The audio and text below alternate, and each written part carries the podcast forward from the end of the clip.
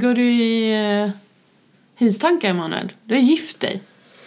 Man Ja. köper väl hus i Luleå? Umeå. Nej, jag vet inte Umeå. Jag skulle bara...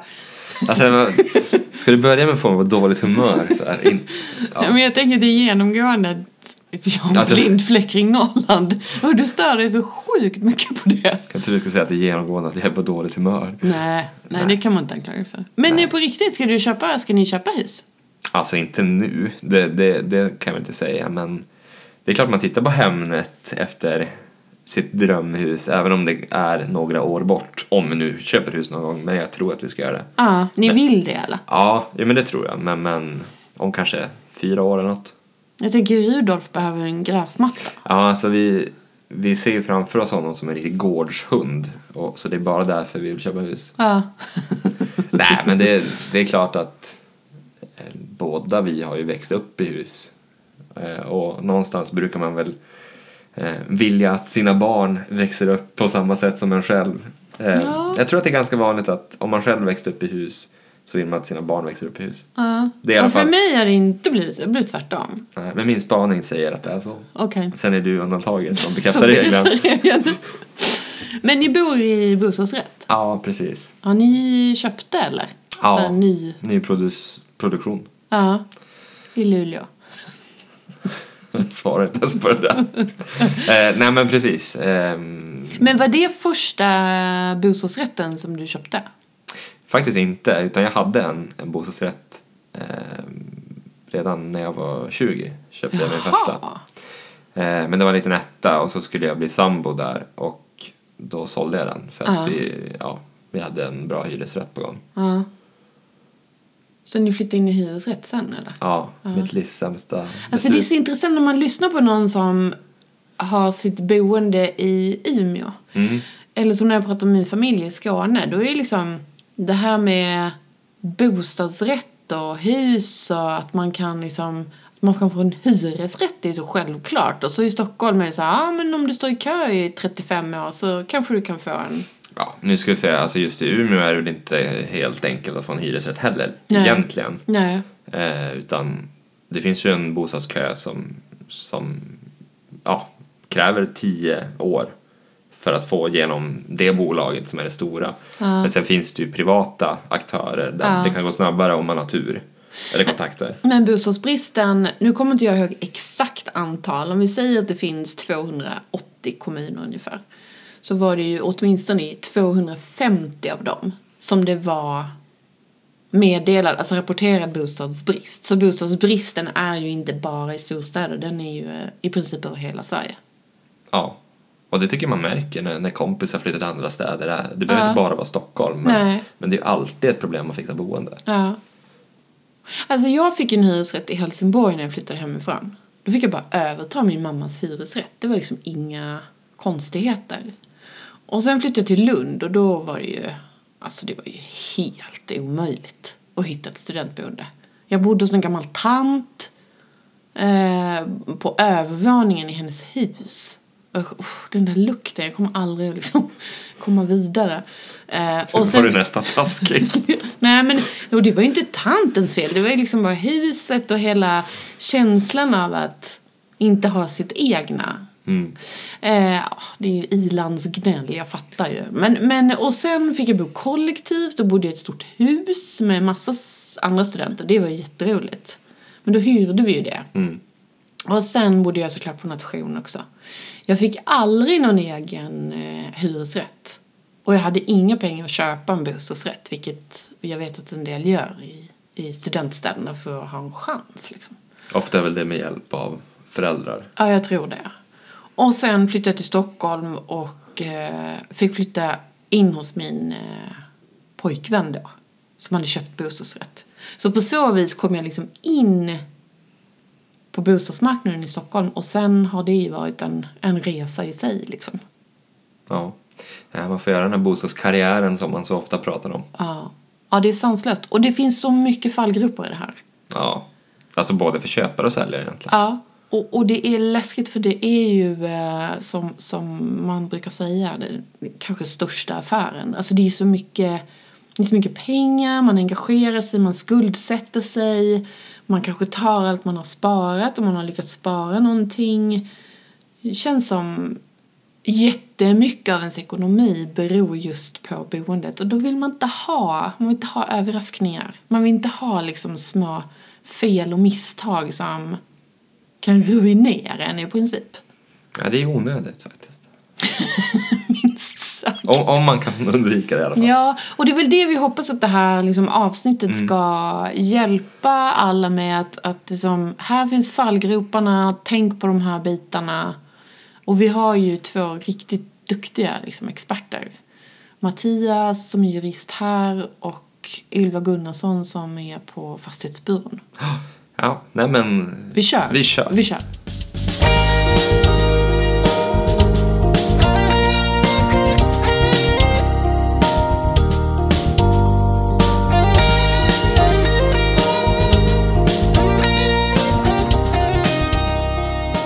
Så himla kul eh, att idag få hälsa vår kollega Mattias Synnergren välkommen.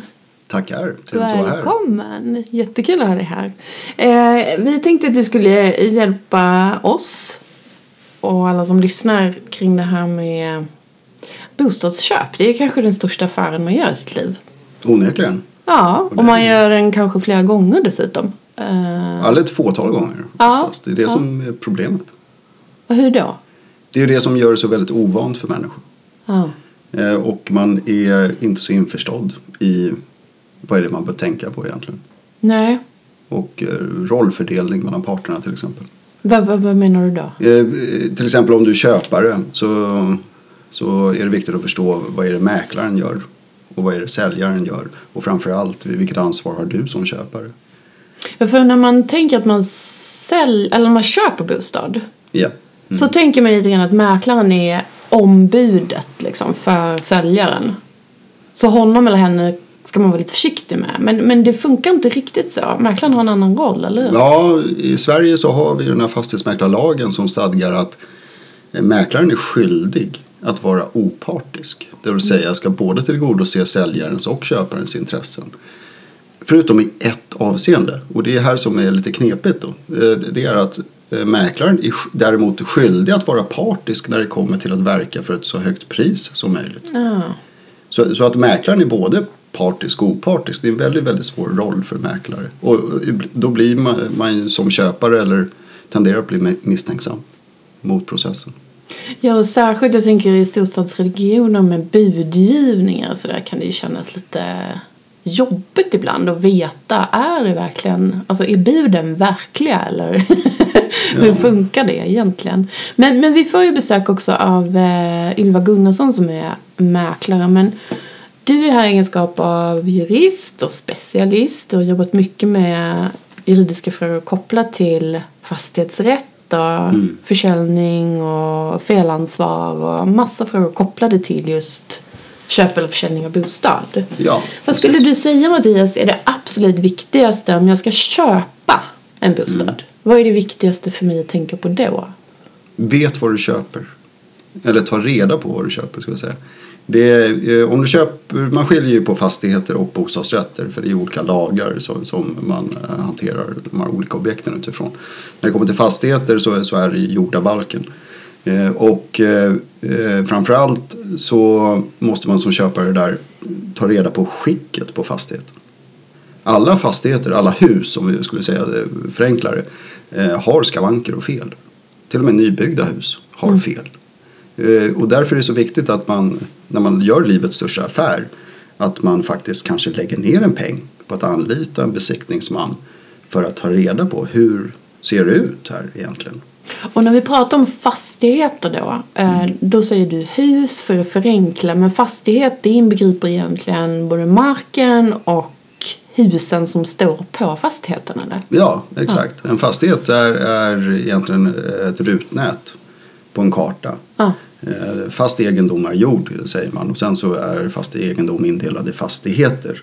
Eh, eh, Och sen på den här fastigheten så finns tillbehör och det är då byggnader till exempel. Eller staket och stängsel och, och träd och annat.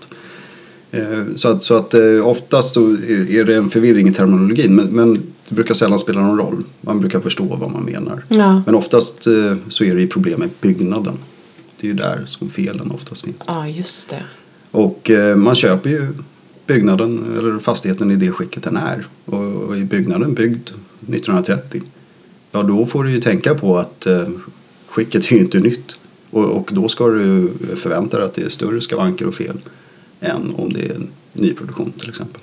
För där är det ju också, när jag går på husvisningar, eh, nu gör jag inte det just nu, men, men jag har gjort det liksom historiskt och då tittar jag ju liksom på kök, badrum, är det fräscht, gillar jag planlösningen, Hur är öppna spisen? Ja, hur jag öppnar spisen. Men det du pratar om måste ju då vara helt andra saker. Det jag pratar om är, är de viktiga sakerna. Ah. Och, och, Han var man avfärdad totalt. ja, precis. Planlösning är all ära, men, men, det- är ju ändå eh, till exempel takets skick som är jätteviktigt att ta reda på. Eh, om taket är 40 år gammalt och det är originalskick då måste du förvänta dig att du måste lägga en bra peng på att eh, renovera eller kanske bygga nytt tak inom kort tid om det inte redan är dags för det. Kanske finns fuktskador på vinden och annat. Och sen i källaren också, klassiskt ställe där det kan vara problem eh, med fukt och mögel. Eh, Så, så att eh, visst, planlösning och annat är ju jätteviktigt om man trivs med det. Men det är ju det känslomässiga beslutet. Ja. Sen måste man ju fatta det logiska beslutet. Och det är där som besiktningsmän kommer in i bilden. Och du säger då besiktningsmän, vad, liksom, finns de överallt? Kan man liksom, är det mäklare eller är det an, vilka är det man anlitar då? Hur hittar man dem? Ja, eh, det börjar bli mer och mer vanligt med att säljaren redan har gjort en besiktning. Ah, Eh, Genom till exempel Anticimex eller OBM eller något annat för känt företag. Eh, Så att det finns ett besiktningsprotokoll klart. Men, men köparen måste förstå att det är ändå köparens ansvar att ta reda på skicket på fastigheten. är det det man brukar kalla undersökningsplikt? Precis. Ah. Så då, så då ska man egentligen som köpare också anlita en besiktningsman? Det eh, tror jag säkert mäklarkåren inte skulle hålla med om. Utan, utan de, de säger att det, det, det, det är tillräckligt med den här överlåtelsebesiktningen. Men ska man vara noggrann som köpare då är det inte fel att eh, göra en mer långtgående besiktning. Eh, Den här initiala besiktningen som tillhandahålls då kanske genom eh, säljaren. Det är ju en eh, nivå 1 har jag för mig. Ja, nu kanske jag förvirrar upp mig själv. Men, men det är en väldigt grundläggande form av besiktning. Och i, om det i besiktningsprotokollet finns varningar från besiktningsmannen att eh, här bör du göra en fördjupad teknisk undersökning baserat på din riskkonstruktion i grunden eller någonting. Då bör man som köpare eh, göra en sån. Mm. Och då får man ju eh, anlita en egen besiktningsman. Då. Vad kan det kosta? Är det värt det liksom? Ja, om vi säger så här att om, om du eh, gör livets största affär för x antal miljoner kronor, eh, kanske 5 miljoner då i snittpris runt Stockholm. Ja, då kostar det kanske 10-15 tusen Ja. att göra den besiktningen. Men den gör du vanligtvis när du väl har skrivit ett kontrakt.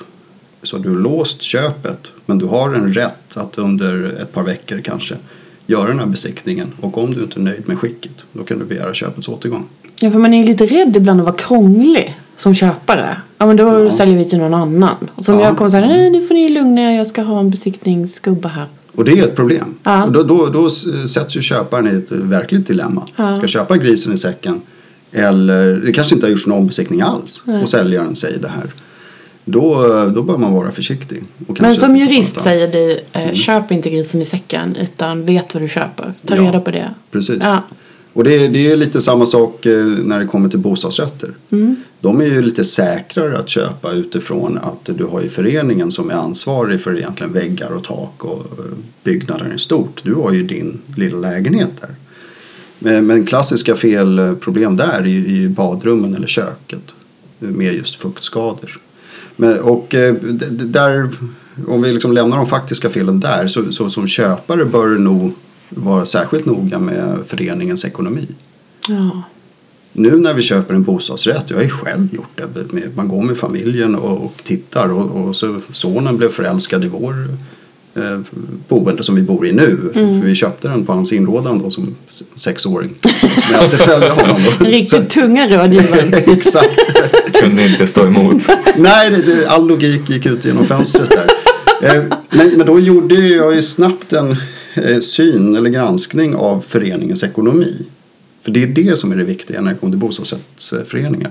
Du köper ju en andel av föreningen. Ja. Det, eh, och det viktiga är där att jag menar, du skulle ju aldrig köpa en aktie i ett, i ett aktiebolag eh, baserat på att de har fräscha kontor. Utan du måste ju titta på hur går det för bolaget. ja, såklart. Ja.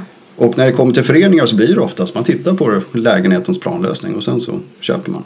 Och så frågar man ibland, har ni planerat för några avgiftshöjningar? Ja, den avgörande frågan. Och, och säger de ja eller nej, det spelar ingen roll för man förstår inte konsekvenserna av det Nej. ändå.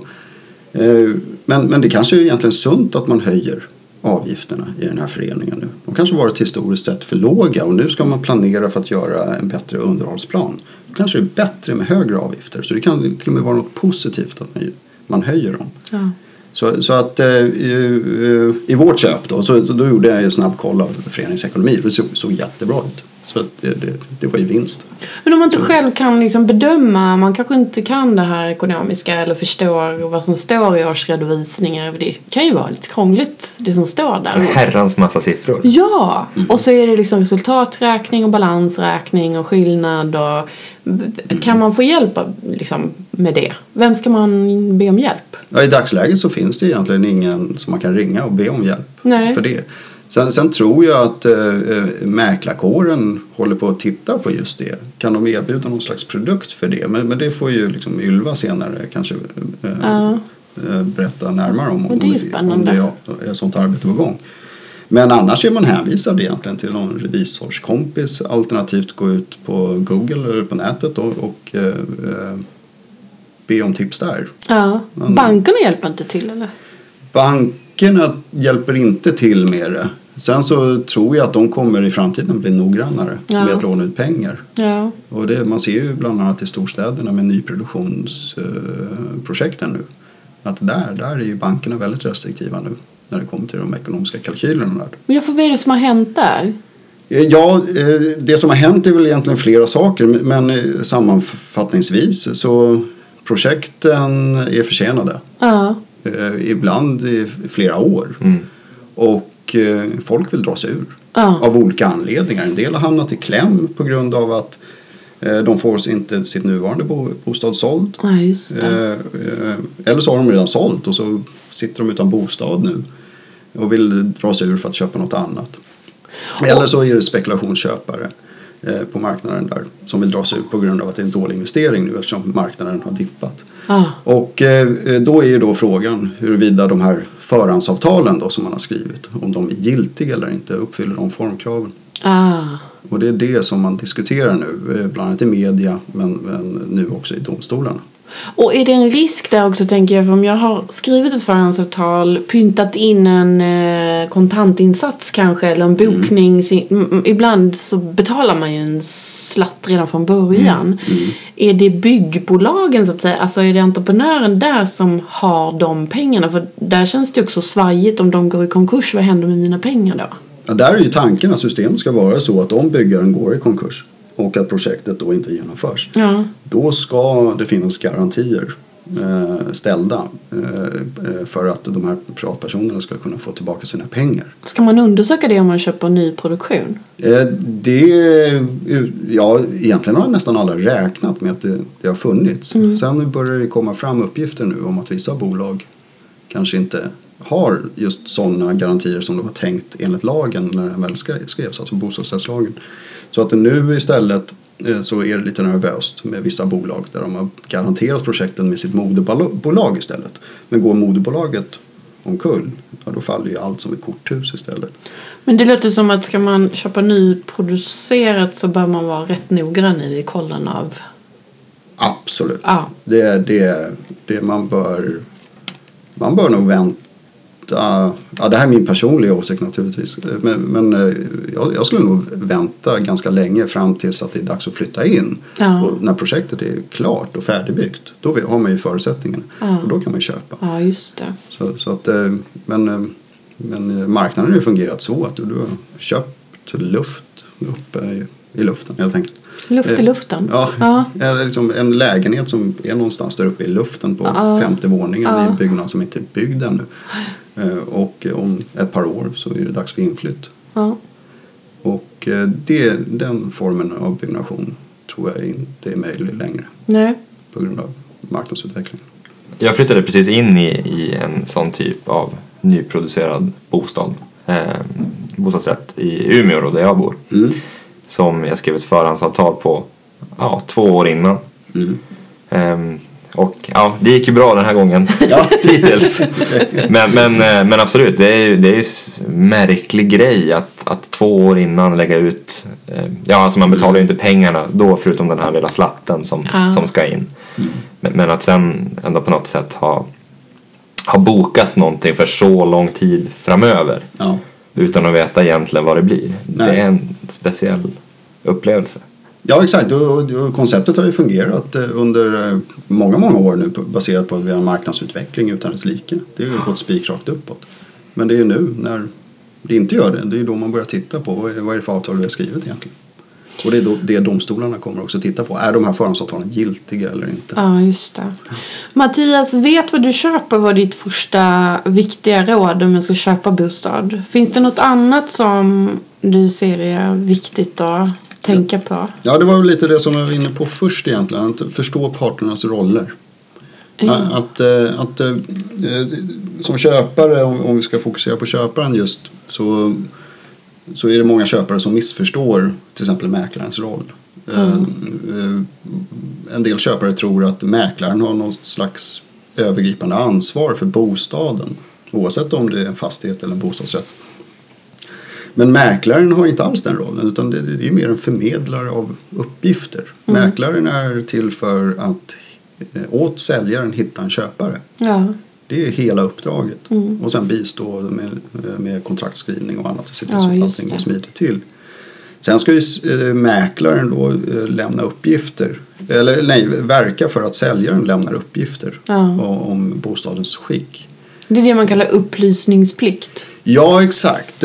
Upplysningsplikten är kanske lite missförstådd också. Att eh, köpare vill gärna hänvisa till upplysningsplikten och menar att det här, det här måste säljaren känt till och borde Ja. upplyst mig om.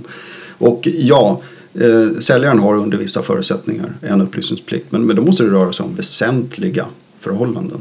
Det vill säga saker som säljaren eh, eh, måste ha förstått att det här har relevans för köparens beslut att köpa. Ah. Kan du ge något exempel på, på vad det skulle kunna vara? Eh, Ja, det, alltså, jag kan ju ta det mest kända exemplet egentligen. Det, det är ett gammalt rättsfall, eller gammalt, inte så gammalt, eh, från 2007 eh, om en motocrossbana. Eh, Köp av en fastighet. Det, det här är baserat på ett fall som Högsta domstolen kommer att avgöra. Eh, Och eh, där eh, köparen, eller den blivande köparen hade blivit eh, visad den här fastigheten under vissa bestämda tider och väldigt korta, korta möten eh, kunde det vara där ute på fastigheten. Eh, och eh, vilket var någonting som senare köparen fick återkomma till. Men när köparen väl flyttade in så eh, upptäckte de relativt snabbt att det var väldigt mycket oväsen på andra sidan skogen bara. Och då visade det sig att det låg en motocrossbana där. Som de inte hade hört eller fått någon information om att det, det, det finns en sån. Och de hörde jag av sig då till säljaren ganska omgående eh, och menade att eh, så här ska det inte vara. Eh, utan vi, vi har rätt till ersättning alternativt att häva hela köpet. Och då, då kom man faktiskt fram till till slut i Högsta domstolen att ja, här har säljaren en upplysningsplikt. Han har inte enligt lagen, enligt jordabalken, men ändå. Säljaren måste ha förstått att det här har relevans för en köpare och marknadsvärdet på fastigheten. Eh, till exempel så, så hakade man ju upp sig på lite detaljer som att just eh, mäklaren var instruerad att visa fastigheten under vissa bestämda tider. Ah. Eh, Så att det var lite speciella omständigheter. Men eh, där kom man fram till att säljaren har en upplysningsplikt. Men, men det handlar liksom om stora saker. Inte om att eh, det är en spricka i handfatet eller att det är lite dåligt tryck i vattenledningarna eller någonting sånt där. Men om det skulle ligga ett dagis under min lägenhet då skulle det, då skulle det vara något som, som föranledde mig i alla fall inte vilja fullfölja köpet. Men det är kanske Ja. svårt att dölja å andra sidan. Eller hur? Ja. Så, att, så att säljaren inte heller en upplysningsplikt avseende det som är eh, Uppenbart. upp- uppenbart. Ja. Det, utan utan det, är- det, är- det, är- det är andra saker man tänker på. Ja. Men jag tänkte på en sak där, åter till, till undersökningsplikten och, Ja. och, och en besiktningsman. Eh, om, om man då som köpare ja, men, tar in en besiktningsman, en besiktning görs och så visar det sig inte vara några särskilda skavanker, eller vad man ska säga. Mm. Eh, då. Men, men sen då framöver så, så visar det sig att okej, det var många fel som inte uppdagades. Mm. Eh, hur står man som köpare då gentemot besiktningsmannen? Vem bär ansvaret för den missen så att säga? Ja, eh, det är den parten som anlitar besiktningsmannen som kan göra gällande att besiktningsmannen har gjort något fel där.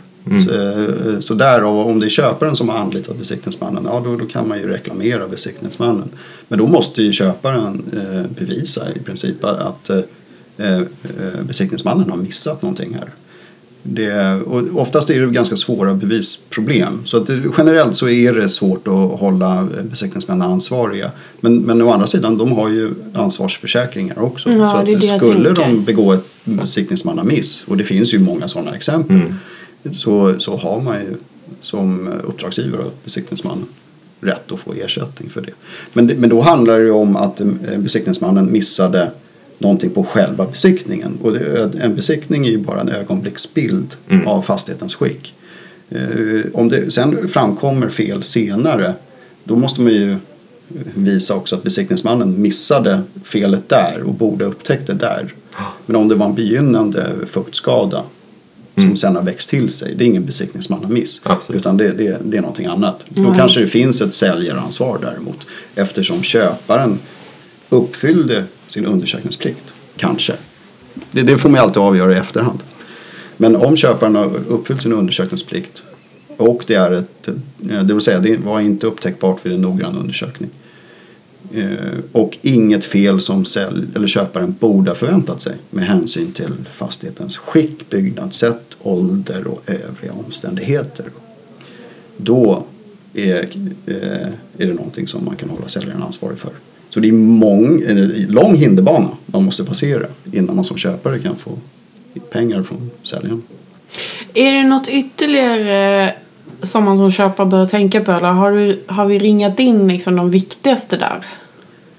Ja, jag, jag tror absolut. eh, Bara täcker man in som köpare att man ska eh, vara noggrann med det man köper Ja. och förstå vad det är man köper. Så, så, så det är den absolut viktigaste punkten. Sen så finns det en, ytterligare punkt. Att eh, förstå partnernas roller, det är alltid bra. Också. Eh, Men eh, den, den tredje viktigaste punkten anspelar på punkten ett och det är det egentligen om man flyttar in och sen upptäcker ett fel då måste man som köpare höra av sig ganska omgående till säljaren.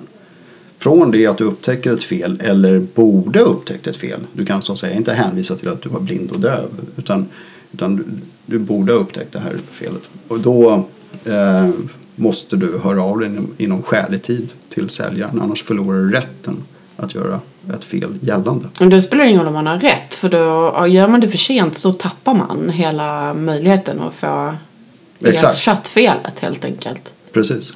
Så, så att eh, och så fort man upptäcker något fel då bör man skicka iväg ett meddelande till säljaren. Där man påtalar, ja, jag har hittat det här ett fel. Eh, eller jag upptäckte det här och jag anser att det här är ett fel. Jag kommer utreda saken vidare. Men eh, jag, jag håller dig ansvarig för det här nu. Jag återkommer. Så ett, man ska veta vad man köper, se till att undersöka, uppfylla egentligen den undersökningsplikten. Och sen två, man ska förstå vilken roll man som köpare har, vad mäklaren gör och vad säljaren gör. Så att man tar sin del av ansvar och ställer rätt frågor egentligen. Och sen tre, hittar man ett fel, agera så fort det bara är möjligt. Och där hade du ett exempel på ett rättsfall där man sa att fyra och en halv månad, det var för lång tid. Eh, ja, Högsta domstolen som 2008 kom fram till att eh, eh, det var ett väldigt speciellt fall i och för sig. Men, Ja. men där kom man fram till att det var okej att höra av sig först efter fyra och en halv månad. Men, men det har man i, i juristkretsar ansett vara det längsta tillåtna tiden. Ja, det är okej. Det längsta Ja. tillåtna fyra och en halv Så, så även om du hör av dig kanske efter tre månader, ja då kanske du är för sent ute också. Och då är det inte från det att du tillträdde ditt ny, din nya bostad utan från det du upptäckte eller borde ha upptäckt felet. Exakt, Ja. precis. Och, då, och det, är- det är inte frågan om rätt eller fel om rätt till ersättning eller inte. Utan det Nej. är bara rätten att framställa krav. Just det. Som en preskriptionsfrist.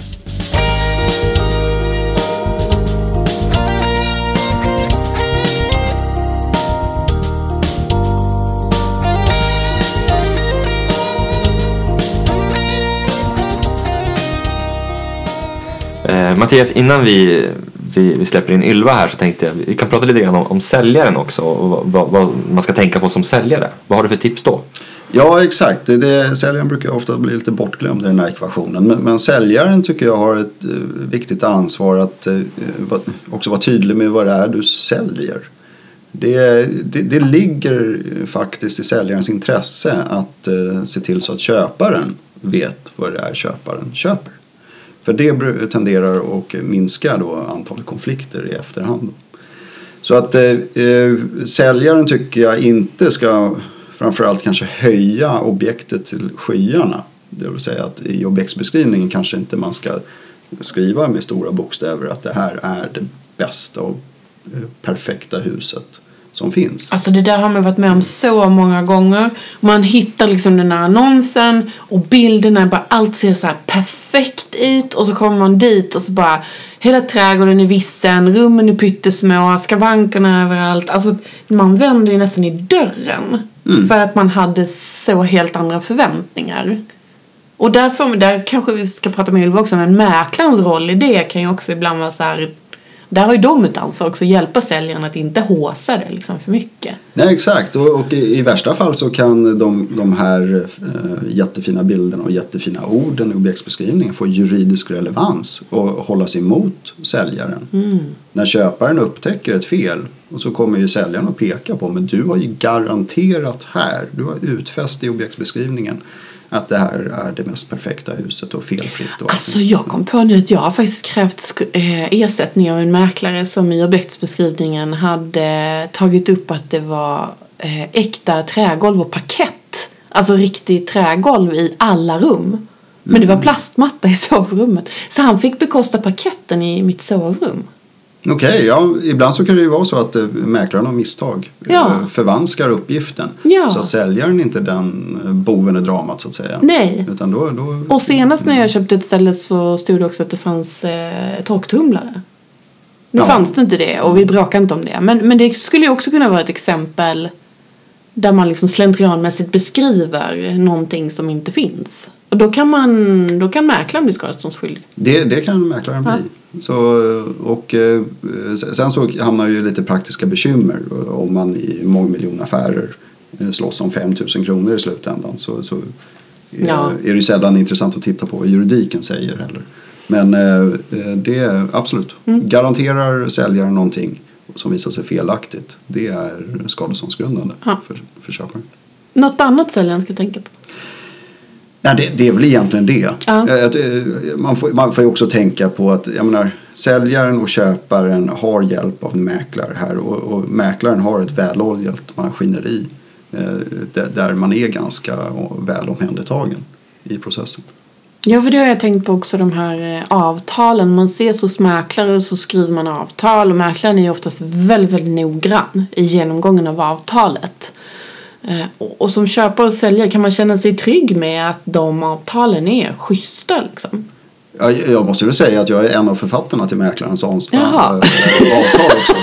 Eh, Det var lite partisk. Exakt.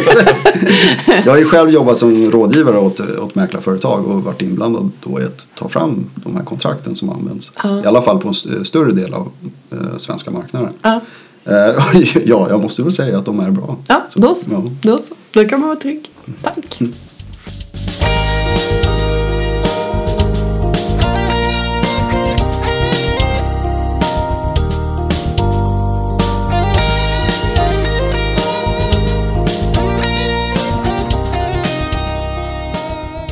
Då har vi fått lyssna på eh, juristens bästa råd till köpare och säljare när han har bostad. Och nu är det ju så himla kul för nu har vi fått besök utav Ylva. Ja, Välkommen! tusen tack. Och du ska ju berätta om vad man kan tänka på ur ett mäklarperspektiv. Men berätta först lite vem du är Ylva. Mm, absolut, jag är ju gammal mäklare. Eh, jag har ju... Men du är inte så gammal ser jag. Nej, nej, före detta mäklare i alla fall. Eh, Men det är ett tag sedan jag slutade mäkla så att nu jobbar jag på huvudkontoret på Fastighetsbyrån som affärsstödschef. Ja. Och det innebär eh, allt ifrån eh, juridik till affärsutveckling och IT. Ja, just det. Men du har mött mängder med köpare och hjälpt mängder med säljare och också jobbat med juristerna på Fastighetsbyrån som bedömer frågor när det har blivit fel eller... Precis, Ja. och ger råd till mäklarna hur de ska hantera frågor och sådana saker. Det är jättekul att ha dig här. Jättekul att vara här. Ja. Ehm, berätta lite Ylva för eh, oss som ska köpa bostad. Vad, vad, vad tänker du är bra att tänka på? Mm, det beror lite grann på om man ska köpa ett hus eller en villa eller om man ska köpa en bostadsrätt tänker jag. Ja, just det. Det är lite olika saker. Mm.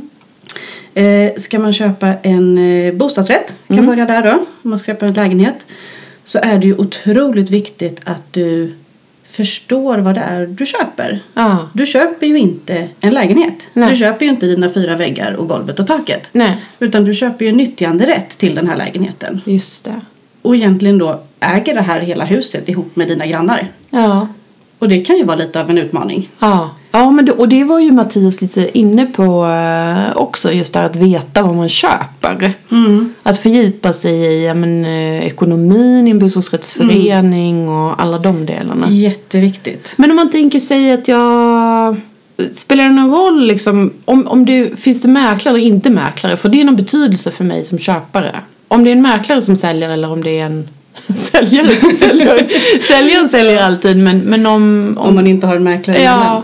Men alltså mäklaren är ju ett jättebra bollplank för dig som köpare. Ja. Ska du köpa din första bostadsrätt till exempel så är det ju jätteviktigt att du, att du lär dig förstå. Eh, att du läser årsredovisning och stadgar och sådana saker. Och det kanske man inte kan själv. Nej, och det pratade vi med Mattias om. Huruvida liksom, finns det någon som kan hjälpa en med det? Då sa han att mäklarna kanske tittar på och tar fram liksom någon sån hjälp. Vet Mm, det, du något finns, ja, alltså det finns ju en del automatiska tjänster man kan köpa via Ja. internet där man kan köpa analyser av årsredovisningar och sådana Ah. saker.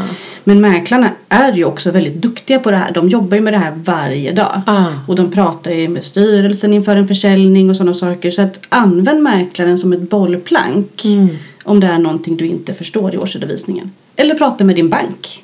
Ja. Man ska ju alltid ha ett lånelöfte innan man går igång med att gå på visningar och sådana saker. just och då det. har du sannolikt en bra bankhandläggare som du kan prata med och bolla Men det sådana var frågor. lite så vi gissade Emanuel, att, att banken kanske också är lite bollplank i det. Ja men precis och sen det här idén som vi också pratade om innan hur, hur man som köpare ska kunna förlita sig på mäklaren som, som man kanske på något sätt ändå har en känsla av är på säljarens sida för att det ska bli så högt pris som möjligt. Men där finns det ju ändå Mäklaren har ändå något form av ansvar till köparen också att vara behjälplig. Oh ja! Alltså mäklaren är ju enligt lag opartisk mellan köpare och säljare i allt förutom priset för man ska försöka få ett så högt pris som möjligt till säljaren. Men givetvis helt opartisk i alla frågor mellan köpare och säljare och ska hjälpa till. Och det är jätteviktigt för mäklaren att köparen blir nöjd och vet vad de köper. Ja. Men om du säljer en bostadsrätt och så är ekonomin i den bostadsrättsföreningen körd i botten. Och så kommer köparen och säger, du jag förstår inte riktigt de här siffrorna. Skulle du kunna hjälpa mig? Ser det bra ut eller? Vad, hur gör man som mäklare då? Då måste man ju vara helt öppen och ärlig och lägga Ja. korten på bordet och berätta och förklara. Att här finns det utmaningar. Finns det utmaningar? Exakt. Precis. Men sen kan man ju faktiskt också uppmana köparen till att kontakta styrelsen och prata direkt med personerna i styrelsen. För därifrån kan man ju också få ännu mer information Ja. om vad som är på gång i huset. Och man kan också få en känsla för vad är det här för människor? Vill jag bo i samma hus som de här människorna? Är de trevliga? Och är det en stor förening eller en liten förening? Och vad, vad finns det att berätta? ja. Och sen är det väl också så att jag tänker nya föreningar, om nyproduktion och sådär, då, då är ju föreningarna ganska högt belånade. Mm. Eh, så att man ska ju inte heller stirra sig blind på ja, men den typen av siffror, belåningsgrad och sånt, tänker jag. Nej, det finns ju alltid en förklaring. Och är huset eh, topprenoverat eller nybyggt eller finns det jättemycket renoveringsbehov? Eh, Ja, det avspeglar ju sig i siffrorna. Så man måste ju förstå helheten och kopplingen mellan de olika delarna. Så därför, även om det ser taskigt ut på pappret så kanske det ändå inte är så himla förskräckligt dåligt som det Nej, kan se ut. det kan ju finnas jättebra förklaringar bakom. Ring styrelsen Linda. Ja. Ja. Eh, nej, men det är det jag sitter och tänker på om jag istället köper ett hus. Mm. Då kan det ju finnas... Eh... Finns ingen styrelse att ringa. Nej, de svarar i alla fall aldrig. Det är såhär servitut eller eh, det går väl, alltså om min fastighet är belastad med, är, har ni som mäklare på samma sätt en, en liksom skyldighet att hjälpa till och synliggöra sådana saker också? Om det finns inskränkningar i min fastighet eller? Så mäklaren ska hjälpa till med det allra mesta och Ja. ge dig som köpare den informationen som du känner att Ja. du behöver. Ja. Absolut. Och som kan få en påverkan på om jag verkligen vill köpa eller inte. Ja, och så att du vet vad du köper.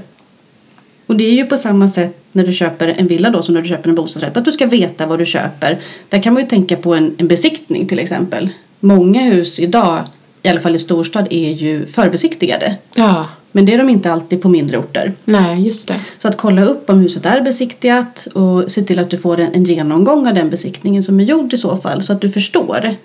För en besiktning på ett hus är ju inte som en besiktigad bil som du köper. Då är det ju en kvalitetsstämpel på bilen att det här är en bra bil jag köper. Ja. Så är det ju inte när du köper ett hus som är besiktigat.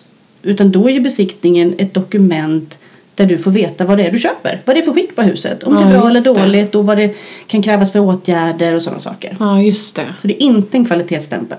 Det är bara ett protokoll som pekar ut Bra och dåliga grejer. Ja, du lägger av eller på. Ja men precis, så, Ja. så att du vet vad du köper. Ja, och det är det. otroligt viktigt att du vet. Ja, och det var ju det Mattias sa flera gånger. Vet vad du köper. Ja. Är det något annat då om man tänker jag som, eh, som köpare? Som man ska tänka på. Ja, det, vad brukar gå fel liksom? Vad brukar köparna göra för fel? Alltså jag skulle säga att läs på så mycket du kan. Ja, Om allt, om bostaden oavsett om det är en lägenhet eller en villa och läs på om området. Du Ja. kanske ska flytta till en ny ort till exempel eller ett nytt område som du inte känner till. Ja. Googla, det finns ju hur mycket information som helst idag. Läs på så mycket du bara kan så att du vet både om bostaden du köper men också om närområdet. ja, För det är också så att det som man kan säga på orten eller området, om det är någonting där som är, som är allmänt känt så kan du som köpare aldrig hävda att det är ett dolt fel även om du själv inte kände till det. nej just det. Så det är otroligt viktigt. Det Ja. finns ett gammalt klassiskt exempel där det var en familj som köpte, köpte ett hus på en ort där de inte var, var hemmastadda. Och då låg det en motocrossbana alldeles intill. Det är jätteroligt för du och Mattias tar upp samma fall. är det sant? Åh, vad sjukt! Det här är ett superklassiskt fall. Då behöver vi inte gå in på det. Nej men det Nej. är ju så eh, roligt att det är liksom precis samma... Det verkar vara ett branschkänt fall. Oh, Ja. ja. det är det. det, är det. Ja, men då ser man ju verkligen vikten av att läsa på. Ja. Läs Och på om området förstå och vet vad du liksom vad- köper. Ja, Ja. vad som finns där. Om man tänker sig som säljare å andra sidan då. Mm. eh, jag har ju allt... Ja, förlåt. Nu kom jag på en grej till som är Ja. jätteviktig. Ja, Får vi ta den också? Absolut. Jättegärna. Gå på många visningar innan du slår till. ja. För att ofta när man ska man tänker att man ska gå ut och börja gå på visningar och köpa bostad så tror man att man vet vad man vill ha. Man Ja. gör någon liten checklista med det här är viktigt för mig, de här grejerna ska jag titta på. Men ju mer visningar man går på desto mer saker lär man sig. Ah. Om bostäderna men kanske också om sig själv. Vad man tycker är viktigt egentligen. Faktiskt. Det där kan jag känna igen mig jättemycket. Till exempel när jag köpte ett sommarställe och sålde det ett år senare. Det blev inte helt rätt. Nej, jag trodde att jag visste precis vad jag ville men det visste jag inte. Nej. Jag känner mig som någon form av idealköpare när jag hör det här. Eh, jag, jag och min fru planerar att köpa hus om kanske fyra år. Och ni har börjat gå på visning redan. För ett år sedan var på första husvisningen. Vilken härlig köpare. Men ja, ja, då var det servitut nere vid vattnet så det kändes inte lika kul. Så att, ja, Ah, okej. vi gick därifrån med en besk eftersmak. Ja, och då vet man ju kanske inte ens första någonting. gången vad servitit är för någonting. För det är ju Jag hade läst om det på yrkesprogrammet men annars, Ja. ja. I Men om man- verkligheten. Du lär dig ju också veta då, är det viktigt med närheten till vattnet eller inte? Nej, det är inte så viktigt kanske. Det är, jag vill bara ha utsikten. Eller ja, det är jätteviktigt att jag ska kunna gå ner och bada. Eller jag vill jättegärna bo högt upp i huset eller långt ner i huset på bottenplan. Ja, man lär sig otroligt mycket om, Ja. om sig själv och om bostad genom att gå på många visningar. Det har vi inte tänkt på Manuel, liksom den inre resan i bostadsköpet. Men det är ett annat avsnitt. Ja. Nej, men jag, jag tänker flera visningar också. Om, om man då hittar ett objekt som Ja. oj, det här, här har vi hittat någonting. Mm. Hur, hur, har man rätt att gå på flera visningar på samma objekt även om det kanske inte riktigt är planerat för flera visningar? Kan man förhandla in fler? Ja, absolut. Frågan är fri. Ja. Så fråga din mäklare och prata med din mäklare. Så är man jätteintresserad så säg det. Då är det klart att de är jättesugna på att visa bostaden en gång till. Faktiskt. Framförallt om man redan har lånelöfte. Exakt. Då är man ännu bättre som köpare. Ja. Ja. På tal om lånelöfte och liksom bankerna och sådär. Nu med de nya amorteringskraven och så. Är det, ser ni liksom skillnad i att jag tänker inte på priser och annat men, men eh, man funderar en del på unga människor liksom hur, och särskilt i storstadsområden där priserna är så extremt höga. Mm. Ser ni, men känner, känner mäklarna av det? Ser ni någonting av det? Vad, Ja, men det tror jag nästan alla mäklare märker i, i vardagen en, en, en förändring. Ja. Absolut. Och det är ju svårare att ta sig in på bostadsmarknaden idag. ja. Och det är inte alla som har föräldrar som kan belåna sitt gamla hus för att hjälpa till med kontantinsats och sådana grejer. Nej, för det är 15 procent av bostadens, alltså vad den kostar som man då ska kunna lägga in själv. Ja, men sen är det viktigast att du pratar med just din bank. För det är klart att banken tittar ju på, på dig som person och på just din återbetalningsförmåga och allt det här. Så det är Ja. mycket som ska vägas in. Ja. Så det är väl att tänka tidigt på att börja prata med banken så man vet vad man har att röra sig med när man ska Ja, gå ut och titta på visningar. Ylva, jag har alltid rätt funderat så här på vad är den vanligaste frågan mäklaren får på en visning? Jag har en gissning nämligen. Oh, jösses. På bostadsrätter i storstad har jag en gissning. ja, mycket frågor om stambytt skulle jag säga. Ja, just det. Jag minns en visning jag hade, då kom det någon eh, stursk spekulant och knackade i väggen och frågade är den här väggen stambytt? Jag trodde det faktiskt var, finns det garageplats? Ja, Okej, ja. Eller vad tror du om budgivningen? ja, såklart. Vad tror Vad du? kommer det Ja. landa på? Ja. Ja. Men det är nog stor skillnad på om det är storstad Ja, eller det mindre tror jag ort. också. Ja, Ja. Extremt stor skillnad. Ja. Okej, säljaren då? Vad sa vi om säljaren? Hade, vi några, hade du några goda råd till säljaren? Mm, tips och råd man ska sälja bostad. Hitta en bra mäklare såklart. Ja, måste hur vet säga. man om det är en bra mäklare? Träffa fler, Mm. jämför. Eh, Jag tycker att det är jättebra och även där gå på många visningar. Ja. Gå på visningar, träffa mäklare för då ser du faktiskt en mäklare in action. Ja. Hur vill du att din mäklare ska vara när han eller hon säljer din bostad? ja, just det. Så där får man ju chans att testa verkligen. Och sen kan man ju bjuda hem dem. Träffa några olika mäklare, bjuda hem dem. Man får sin bostad värderad, man får chans att ställa alla sina frågor man har och så väljer man den som man får bäst förtroende för och som man tror kan göra den allra bästa affären för dig.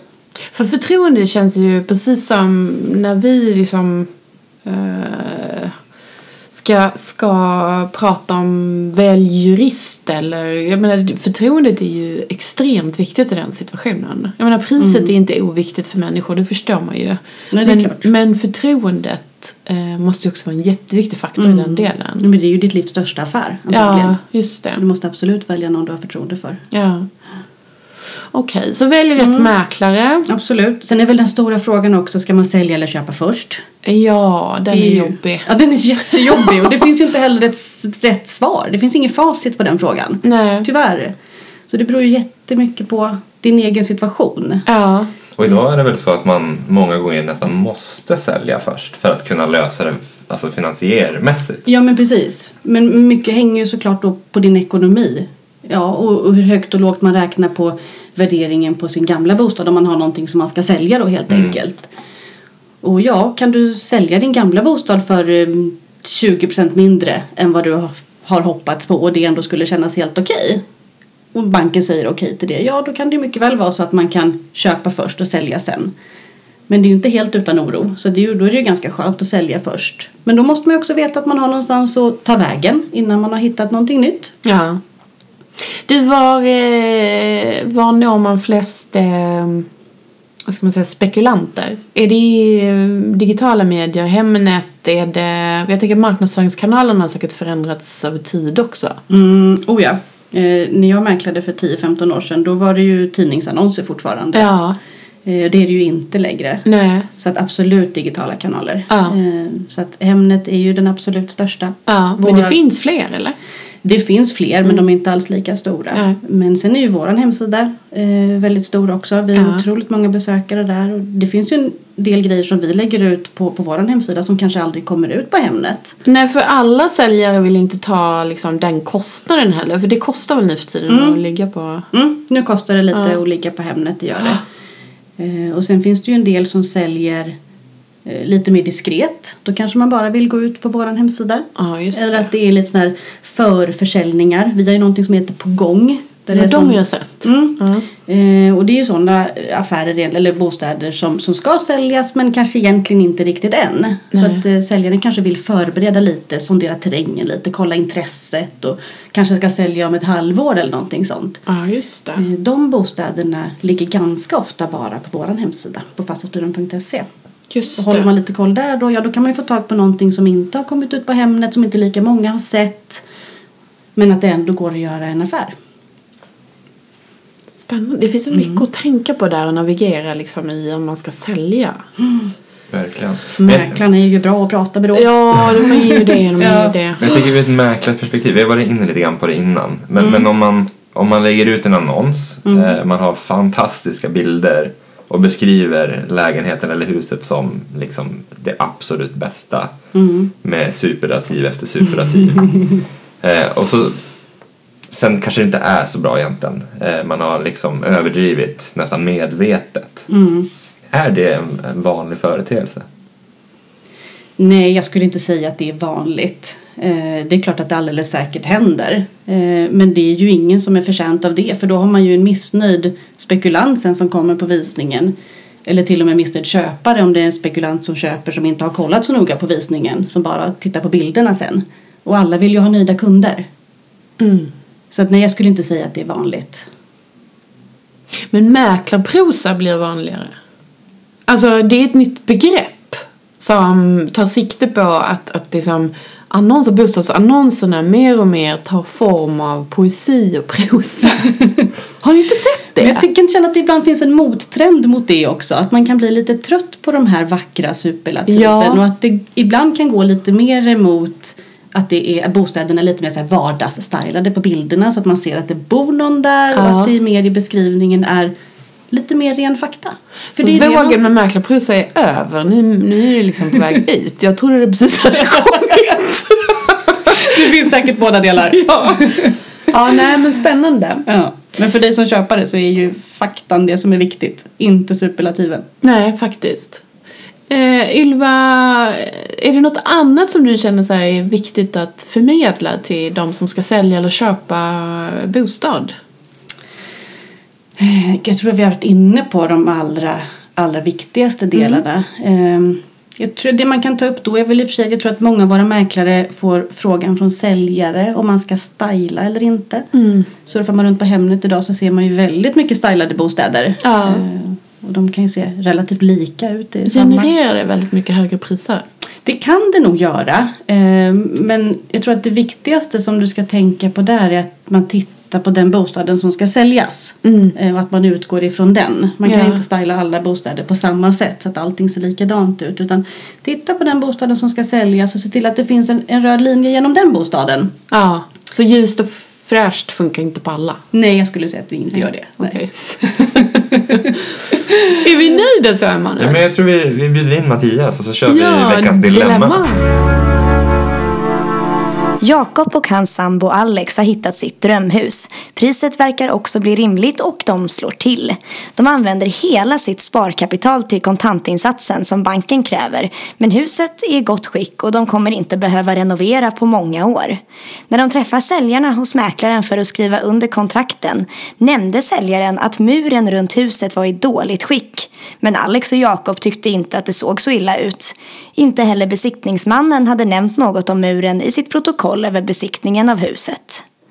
Några månader efter att de har flyttat in i huset rasar plötsligt en stor del av muren ut mot vägen och alla förbipasserande kan nu se rätt in i köket där familjen ofta sitter tillsammans. Alex blir först arg och Jakob blir senare ännu argare när hans murarkompis förklarar att det kommer kosta minst 200 000 kronor att laga muren. Vad ska Jakob och Alex göra? Vad säger våra experter om det här, Ylva och Mattias?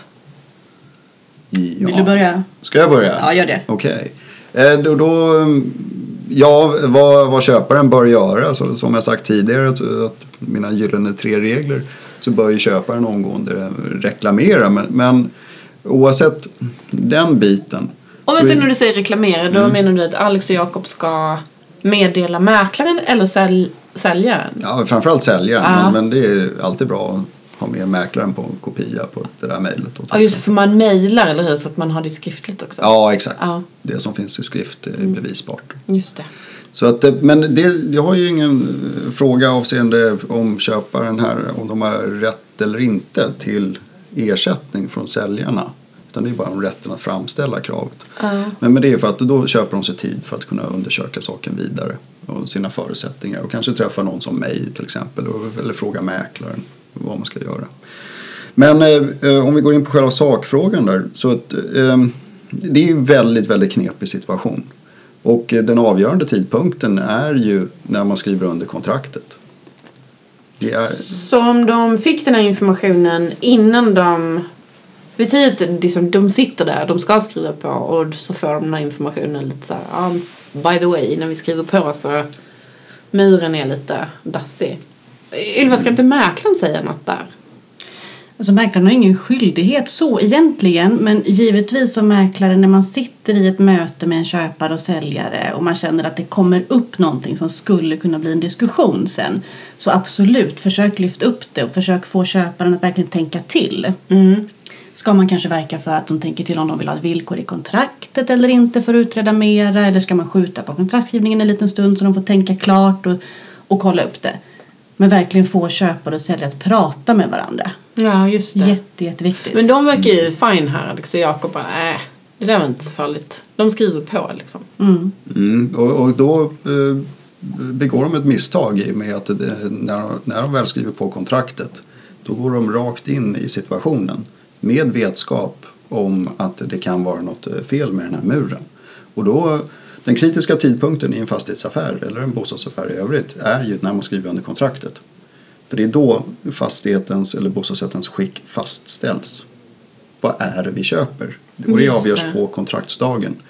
Så om säljaren hade sagt det här två dagar senare kontra- eh, efter kontraktsskrivningen, ja, men då hade man ju kunnat eh, se om det fanns ett ansvar här för säljaren. Borde han ha sagt någonting innan och annat sådant. Hade köparen möjlighet eh, att upptäcka det här och kom man fram till att han inte hade det, ja, men då, då kanske det har rätt ersättning. Men om köparen får, får den här informationen innan man skriver under kontraktet, alltså innan man köper, men väljer att ändå köpa det, då har Ja. man ju accepterat situationen. Och då hamnar ju köparen i ett långt sämre läge.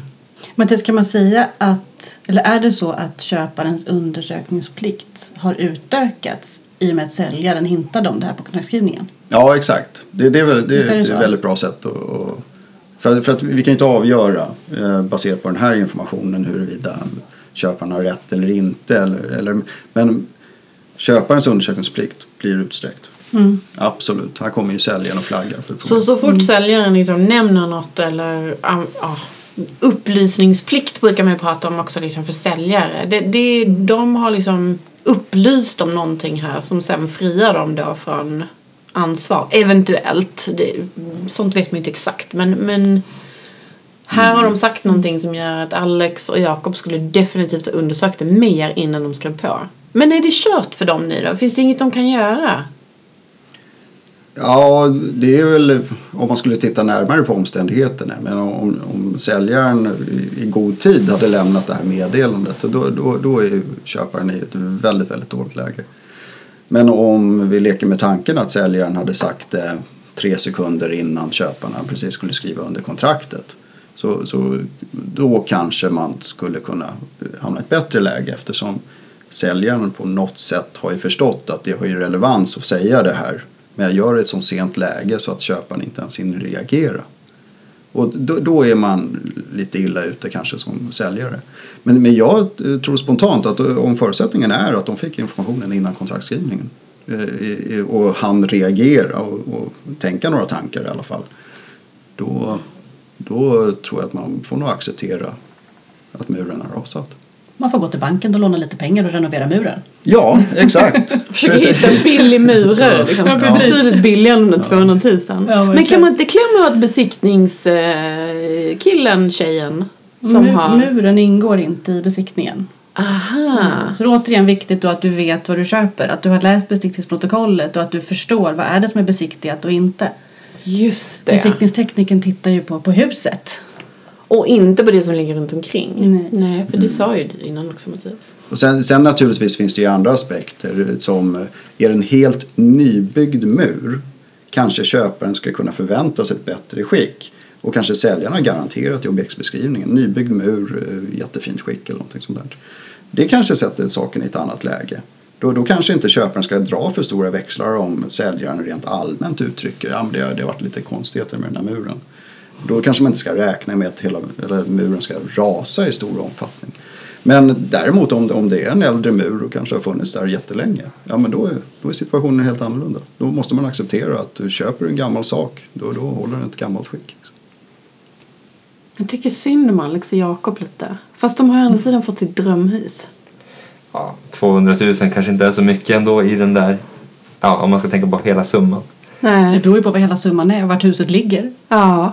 Ja, nej men det är klart Och om det, det det, finns pengar. murare på orten. Ja. Men det kommer bli fint när det blir klart. Ja, det får vi verkligen hoppas. Ja. ja men hörni, tack så jättemycket för att ni var med oss idag. Det har varit jättelärorikt och verkligen få lära sig mer om det här. Stort tack, det var roligt att vara med. Tusen tack.